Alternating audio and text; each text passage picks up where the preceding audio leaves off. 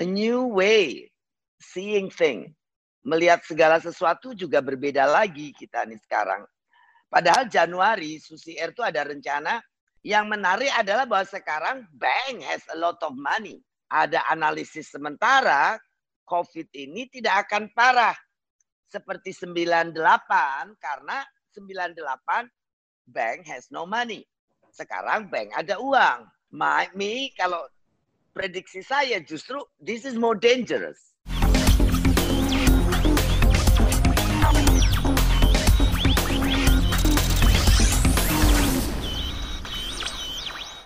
Halo Bu Susi. Apa kabar? Selamat sore semua. Selamat sore Bu Susi. Wah luar biasa. Terima kasih Bu Susi udah mau hadir sharing bersama dengan kita semua di acara IPAF 2020.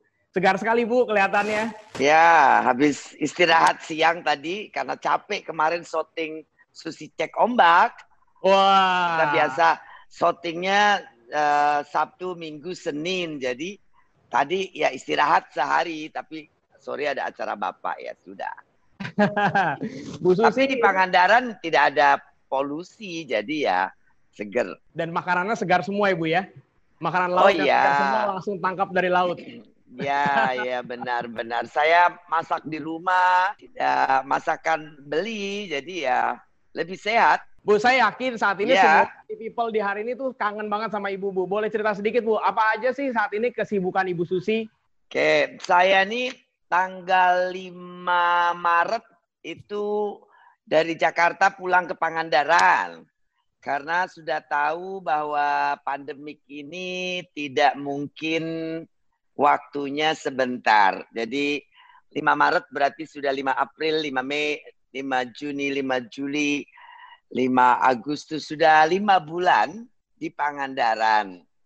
Tidak ke mana-mana, paling ya ke Hmm. laut, main air setiap dua tiga hari sekali, main paddle boarding, berenang, Ah, terakhir main papan surfing lagi. Jadi bukan cuma paddle boarding, saya pikir wah kenapa tidak coba surfing lagi? Surfing hari ke satu, oke, hari kedua, oke, hari ketiga ombaknya bagus sekali. Lalu saya meluncur kencang dari tengah sampai ke pinggir. Di pinggir Wah. sadar, wah ini ada ada karang, saya harus loncat kalau enggak nanti uh, paddle paddlenya rusak, paddle boardnya. Karena cucu saya keluarin paddleboard yang mahal yang dari karbon. Jadi emak-emaknya muncul. Tidak pikir melindungi lutut, tapi melindungi paddleboard eh, siripnya. Nanti rusak. Saya loncat, loncat, airnya cuma tinggal 20 cm. Maka saya put ini apa ligamennya torn, terputus Oh. gitu, tapi Hmm. tidak apa-apa. Cuma ya sudah sebulan eh, baru re- mulai recovery sekarang mulai jalan tapi belum bisa seperti dulu lagi. Tapi paddle boarding seminggu kemudian sudah oke. Karena waktu itu ada acara syuting sama Pak Sandi Uno. Oh iya, iya, betul, betul. Saya sudah nonton Ya, tuh. Seru. Ya lo- lo- lomba yang ketiga. Jadi harus menang. Pakai-pakai deker juga jalan saja. Oke, Gitu. oke. Oke, Bu Terus Susi. ya hari-hari nyiramin nanemin bunga, beli pot ada mungkin 200 atau 300 pot besar kecil di lalu nak kasih makan piaraan, angsa, kambing, rusa. Ya gitu-gitu saja, masak Yang masak ya, Bu ya. Jadi sekarang saya sering lihat Ibu Ibu Iya. juga banyak memasak ya. Iya, tapi kemarin datang Pak William Wongso kasih Iya. Masak di dapur Susi, kalah saya langsung. Kita akan masuk ke dalam inti acara. Eh, Ibu Susi ini kan eh, selain dikenal sebagai menteri juga adalah seorang entrepreneur yang kita lihat adalah berhasil, Bu. Nah, Hmm. menurut Ibu, Tidak sekarang. nah menurut Ibu seberapa besar kaitannya, Bu, antara pendidikan, latar belakang pendidikan itu dengan keberhasilan sebagai entrepreneur sih, Bu? Bisa sedikit sharing sedikit kepada kita, Bu. Kalau saya pikir pendidikan dan keberhasilan entrepreneur, kalau saya lihat dari perjalanan usaha saya, walaupun pendidikan saya cuma SMA kelas 2, kayaknya otaknya adu adu analisis dan apa membuat keputusan kayaknya nggak kalah-kalah amat sama yang jagoan-jagoan lulusan sekolah gitu loh. Jadi saya tidak merasa ada yang missing dalam pendidikan saya. Yang saya missing kadang-kadang cuma opportunity waktu aja yang selalu tidak cukup rasanya gitu ya. ya. Karena kalau kita mau usaha dengan internasional, timetable-nya kan mereka uh, beda waktu dengan kita. Seperti Susi Air saja, Papua tuh udah mulai jam 4 pagi di WIB. Karena pesawat sudah mulai take off jam 5 5 di sana. Hmm. Berarti di sini jam 4 pagi. Hmm. Ya waktu yang kadang-kadang tidak kita miliki.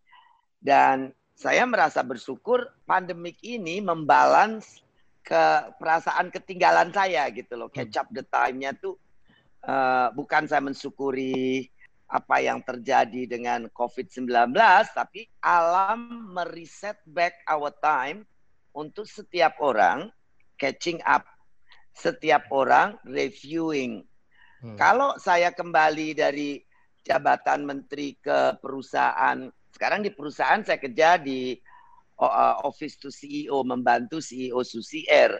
Ya. Jadi tidak punya jabatan kayak staff aja di office hmm. to CEO. Bantu ini, bantu itu. Juga Nadine kan sekarang anak saya mulai masuk juga jadi ya. staff di office to CEO. Ada waktu untuk resetting back. Ada waktu catching up dan ya bisnis is not good. Tadi ya sukses sampai dengan beberapa waktu sebelum COVID. Sekarang perusahaan juga menghadapi big problem karena dari sebulan ini mulai terbang, tapi demand-nya tidak picking up. Ada stagnasi. Tapi kan tidak boleh juga pesimis. Betul. Ya sekarang waktunya kita mereview resizing target, resizing uh, operation, resizing office, resizing em employer numbers, resizing your your private cost even you got to be resizing. Nah, resizing restructuring ini kan kalau biasa kita sangat sulit dipaksa karena uh, it's painful. It's almost uh, so difficult to restructure, termasuk resizing. Tapi de hmm. dengan COVID-19 ini ya bulan pertama, bulan kedua kita mungkin pikir ah nothing gonna be happen. Kalau yang berpikir optimis dan tidak terlalu berpikiran atau kurang mengerti apa itu pandemik ya. Tapi kalau saya dari tanggal 5 Maret sudah berpikir this gonna be very long, something that you don't you don't even could calculate perfectly apa yang akan terjadi. Jadi awareness saya sangat tinggi udah dari awal dan konsentrasi we go home. Jadi ya sekarang di rumah Pangandaran kita merevitalisasi dengan ukuran baru dengan uh, operation baru dengan a new way seeing thing. Melihat segala sesuatu juga berbeda lagi kita nih sekarang. Padahal Januari Susi Air itu ada rencana untuk expansion. Dan ini menjadi uh, different. Kemudian saya juga jadi punya waktu untuk bikin show TV.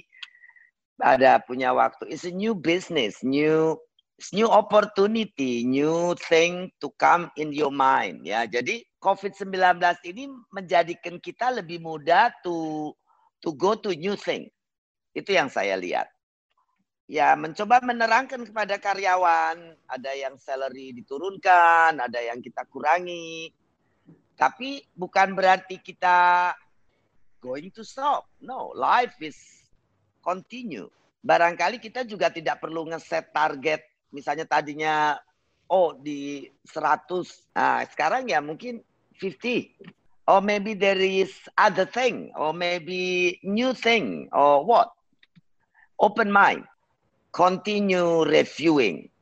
Dan saya pikir Anda pakai waktunya untuk diri Anda berpikir.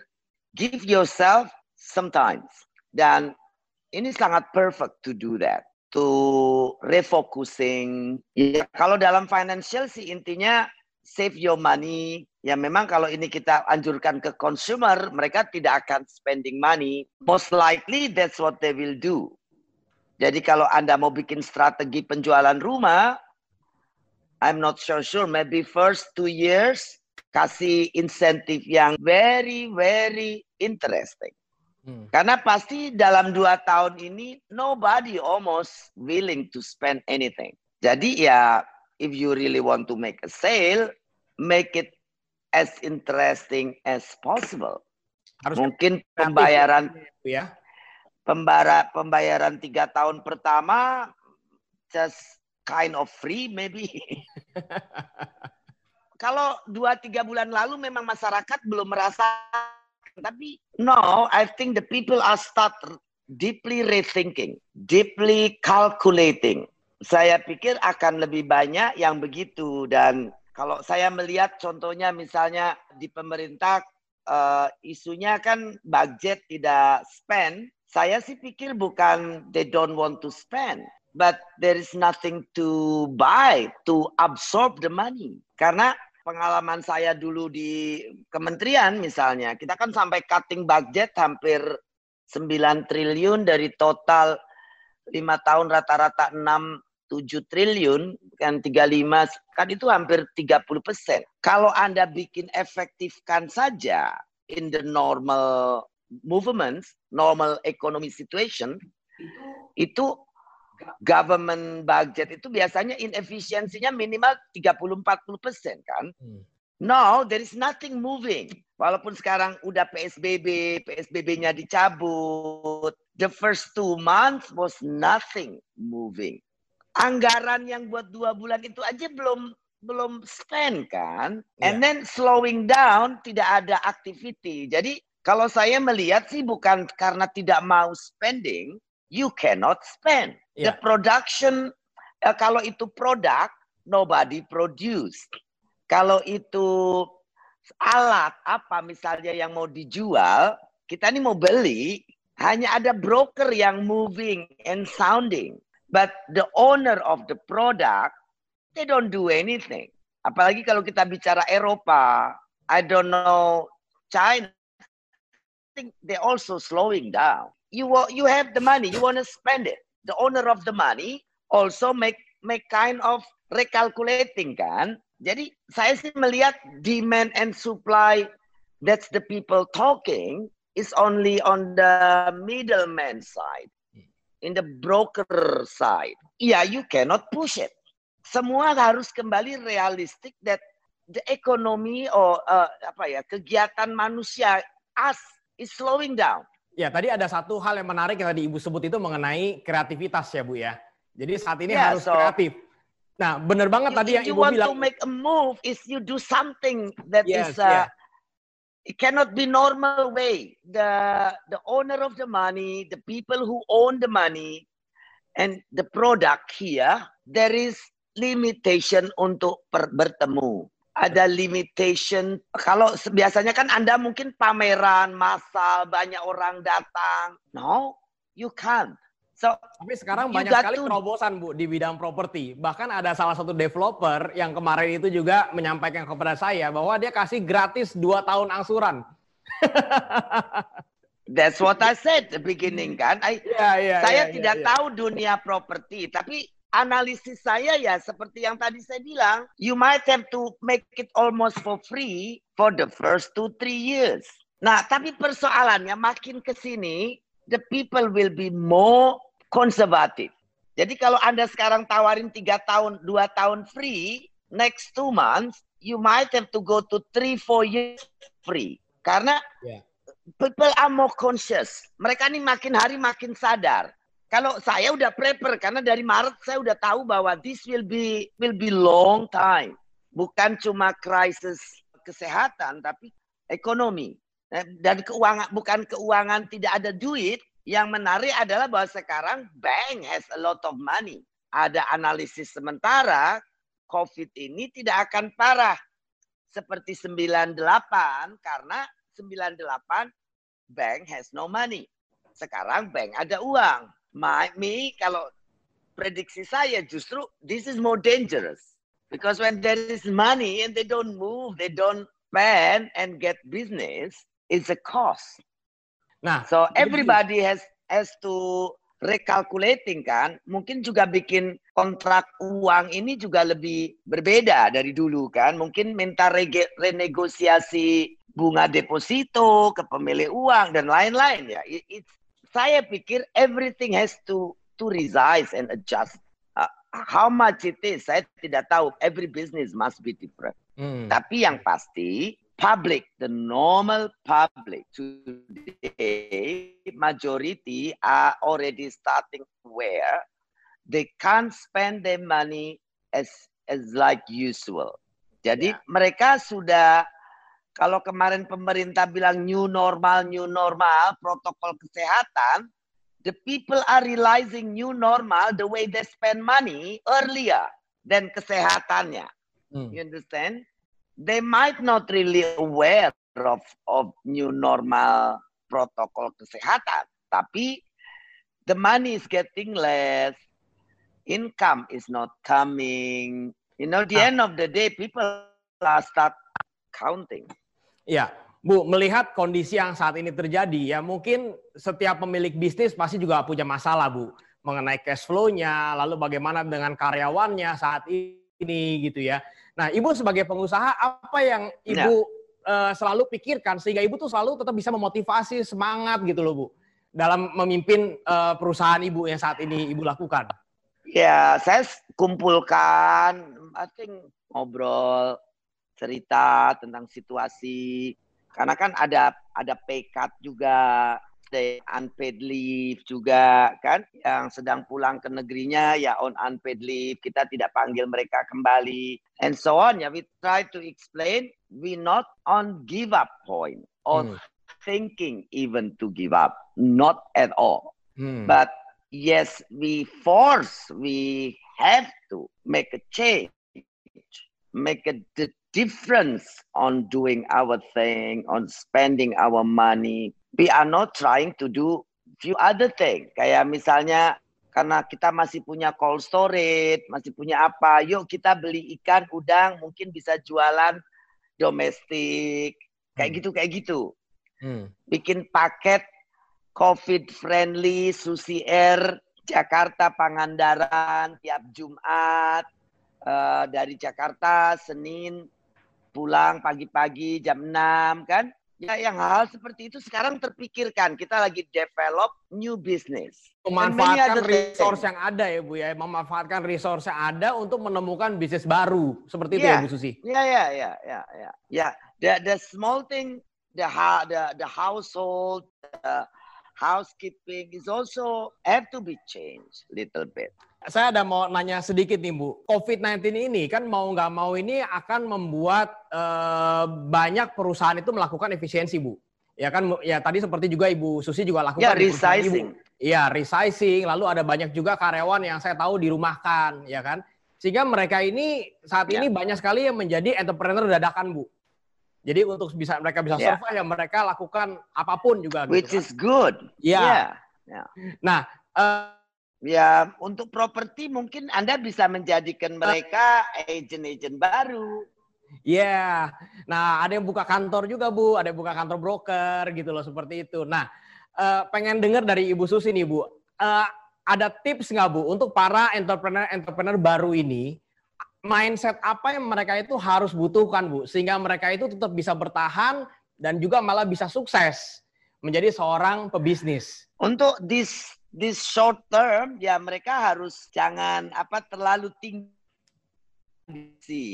Like like you want to make money as much as you can. You got to make a sale whatever it is. Maybe very small profit but try to make something. Mm. Little thing is better than nothing in such situation mm. itu satu yang kedua ya take your time to organize back your personal life your your spending plan, your it, it's so much of time untuk making anything better and new. Hmm. Saya pikir seperti itu. Dan saya pikir every move you make will will reward you with opportunity. nyambung tadi mengenai personal life Bu, pengen nanya-nanya sedikit nih Bu. Ada ya. suatu habit atau kebiasaan apa yang positif Bu, yang memang saat ini rutin Ibu lakukan sehingga Ibu mem memiliki pola pikir yang sangat positif meskipun kondisi seperti saat ini Bu. Ada nggak Bu kira-kira kebiasaan apa yang Ibu lakukan yang positif yang kita tuh pengen tiru juga nih Bu, supaya kita juga sama-sama bisa positif Bu di sini? Ya itu tadi bersyukur menikmati apa yang every day I'm still healthy. That's very important thing. Healthy ya, healthy ya. Lalu, Bu, ya. Healthy adalah satu blessing ya, ya Bu ya. Iya. Terus yang kedua, perhatikan hal-hal kecil in your family. Spend the time, lowering your temper. Ya olahraga kecil sedikit-sedikit, plank, push up, oh mungkin lari-lari kecil, making gardening. Saya untuk saya, it's so many things beautiful in the last five months. Hmm yang saya kehilangan in the last five years. I almost never see it. Lihat kam, apa motong-motong ubi jalar, lalu kambingnya naik ke meja, ikut makan dari dari tempat saya potong saja. It's it's it's a fun. Ya seperti itu. Kemudian melukis atau nyanyi sama-sama. Sekarang mau 17-an, saya dengan cucu-cucu nyanyi Garuda Pancasila yang mungkin sudah 30 tahun I never sing it. Dan it's fun. It, it, it's a beautiful bahwa hidup kita hari-hari di sekeliling rumah tuh mungkin bosan, tapi but it's still something. Ya, saya mungkin lebih beruntung dari banyak orang Jakarta karena saya keluar dari pintu gerbang lima menit sudah ke pantai. Jadi hmm. it's more relieving. Tapi Anda bisa nonton Blue Planet. Kalau yang punya TV bisa nonton Blue Planet, Ocean, lalu hutan, ada banyak di National Geographic, BBC, uh, eh, Blue Planet Editionnya David Attenborough, buku kalau Anda punya buku-buku, yeah. bukain majalah, and cooking and anything that can continue keep you fresh. Enggak statik ya. Saya dan belajar ketawa terus untuk happy, make a funny thing. Kata orang kan salah satu ciri Anda tidak stres dan sehat mentalnya kalau Anda masih bisa mentertawakan diri sendiri. Iya, iya, iya, iya. Bu, ada satu yang saya pernah baca, Bu, uh, hmm. biografi Ibu Susi yang ditulis di salah satu uh, oleh percetakan. Saya tidak gitu, kan. tahu, kan? saya tidak punya bu, biografi sebetulnya, tapi kata orang di luar sana ada 22 buku lebih. Nah, Bahkan iya. hampir tiga, hampir, saya tidak punya buku yang yang saya tahu saya izinkan, cuma untold story yang yeah. ada foto saya dengan cangkir kopi. Sebetulnya itu bukan autobiografi, testimoni teman-teman. Yang selebihnya saya tidak tahu. Jadi apa yang Bapak tahu saya nggak ngerti. Saya saya ada baca buku Untold Story itu, Bu Susi. Jadi hmm. di sana di di sana saya baca saya mendapat kesan bahwa ibu memiliki hubungan yang sangat luar biasa uh, dekat dengan uh, karyawan-karyawan ibu. Ya pada waktu pada waktu ibu akan berangkat ke ibu kota untuk menjadi seorang menjadi menteri. Di sana ada acara besar yang luar biasa diliput di buku itu. Saya mendapatkan kesan, waduh ini kedekatannya luar biasa. Nah di satu sisi kita melihat bahwa karakter Ibu Susi adalah ibu adalah orang yang tegas, orang yang hmm. berani menegakkan sesuatu yang yang yang apa kebenaran seperti itu gitu kan. Nah ini menurut saya agak-agak uh, agak-agak uh, unik bu, karena biasanya seorang pimpinan yang tegas biasa ya luar biasa gitu. Terbentuk hubungan suatu hubungan yang luar biasa. Kita pengen belajar nih, Bu. Ya, saya biasa saja sebetulnya hal kalau pekerjaan saya wetah. Ya, ya, iya, tidak, ya, tidak. Dan itu saya minta karyawan saya mengerti itu. Saya dekat ya, kalau di Pangandaran, saya senang pakai bahasa daerah. Jadi kalau pegawai saya orang Sunda, saya ngomong pakai bahasa Sunda. Kalau dia Jawa, Jawa, ya saya ngomong ke Jawa. Makanya pada saat saya menteri pertama, karena di Pangandaran jarang bahasa. Jadi begitu ke Jakarta, bahasa Indonesia saya yang benar belepotan. Terbiasa bahasa daerah. Mungkin itu juga salah satu. Yang kedua, ya saya punya office di di satu compound dengan rumah. Jadi okay. setiap hari ketemu. Ya kalau kayak sekarang kan cuma sedikit karyawan yang yang mengantor kan ya masih sempat kadang makan sama-sama.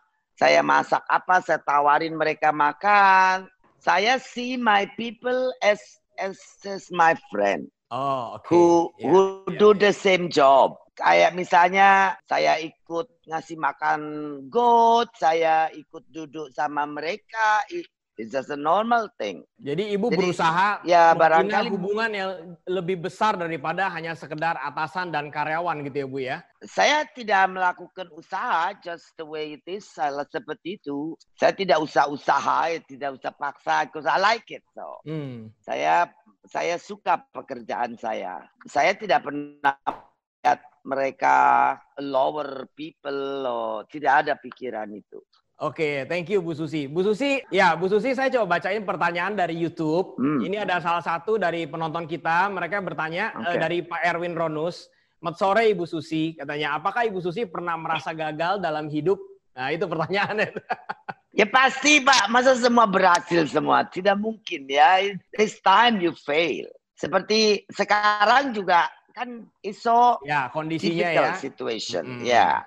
Ya. Kadang-kadang juga uh, will I pass this time or will I fail? Ya, tapi kan fail itu ya i- is a part. There's nothing perfect in your life. You won't get always success all the time. Ya, kalau gagal ya kita ulangi kalau masih bisa. Kalau tidak bisa ya maybe you are time for you to switch other thing. Saya tangkap salah Ya. satu eh, key point dari tadi yang Ibu sampaikan adalah tidak pernah menyerah dan selalu mencari peluang-peluang yang baru. Bu, eh, saya mau nanya nih Bu, eh, saat ini kan kesibukan Ibu Susi begitu banyak Bu, ya kan ada Hmm. eh, Ibu ada bikin satu acara gitu kan di salah sa- di eh, Ya.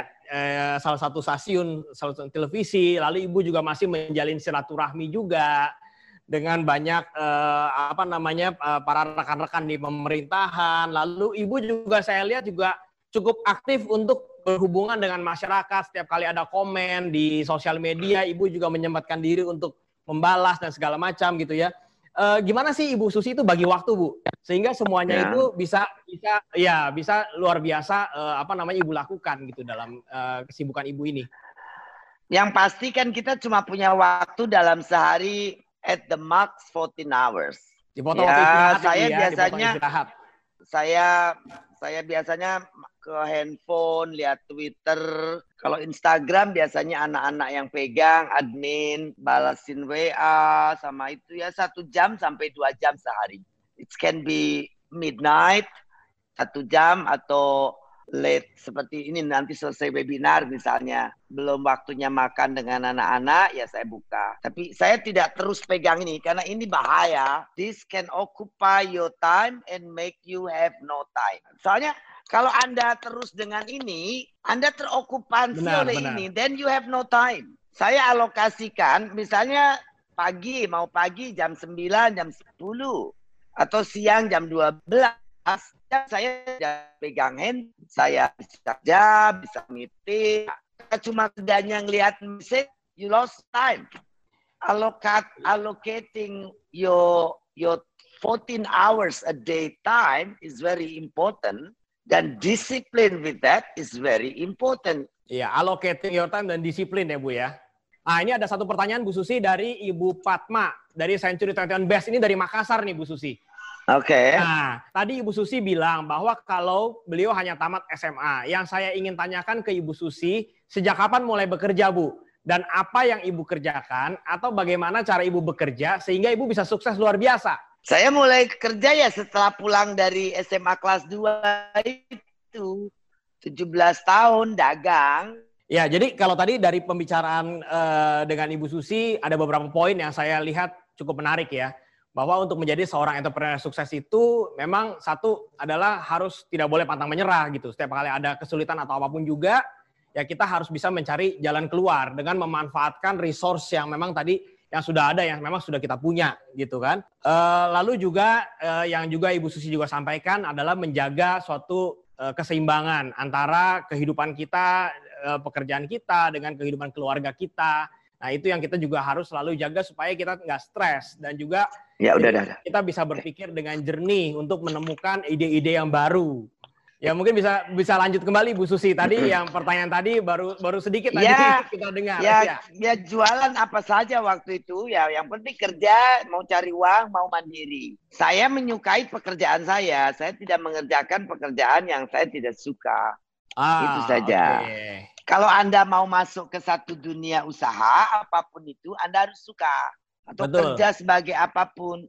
Kalau tidak suka dari awal ya udah ganti cari yang lain. Karena kesukaan Anda ini akan mencerminkan energi yang Anda akan pouring on it.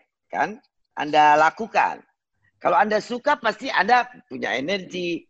Kalau Anda tidak suka ya malas-malas. Oke, okay, thank you Bu Susi ya uh, atas sharingnya ah, hari ini. You. Saya ingin kasih uh, satu Bu uh, kesempatan Ibu Susi untuk kasih ke kita ada satu closing statement atau uh, ada tips yang Ibu Susi ingin sharing buat para property people di hari ini, di hari yang bahagia ini gitu kan, supaya mereka tetap terus-menerus juga termotivasi meskipun kondisi saat ini uh, ya tidak semuanya serba menunjang gitu. Silakan Bu Susi. Ya, untuk saya saya pikir kita semua penting adalah menyadari bahwa pandemik ini belum akan berakhir. Kesadaran ini akan membuat kita dengan mudah melakukan remanagement daripada kehidupan pribadi kita, kehidupan usaha kita, kehidupan kerja kita. Karena kalau tidak sadar ini, it can be nanti Anda terantuk-antuk gitu. Jadi ya harus sadar itu dulu. Selama vaksin belum bisa disuntikkan ke badan Anda, selama itu pula protokol kesehatan harus dipakai. Pakai masker, menjauhi keramaian, physical distancing.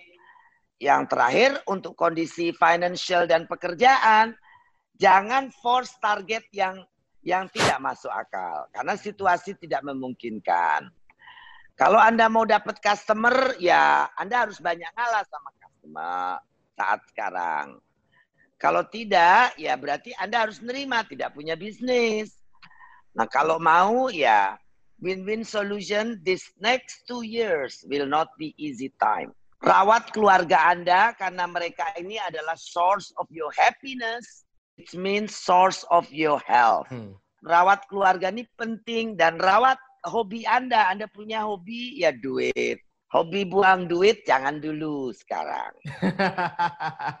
so, I think that's about it. So, dan ya nikmati waktu Anda sekarang untuk melakukan remanagement, restructuring, juga merevitalisasi keluarga, merevitalisasi your inner, inner power, inner advantages. Kita kan semua masih punya kelebihan. Yeah. Sekarang Anda punya waktu, dulu tidak punya waktu. Time is yours. Yeah. Have it. Thank you Bu Susi. Seru sekali pembicaraan hari ini. Uh, thank you buat segala macam insight-nya. Saya yakin ini semua sangat bermanfaat buat kita, terutama untuk kita bertahan melalui masa-masa yang memang nggak memudah nggak mudah ini.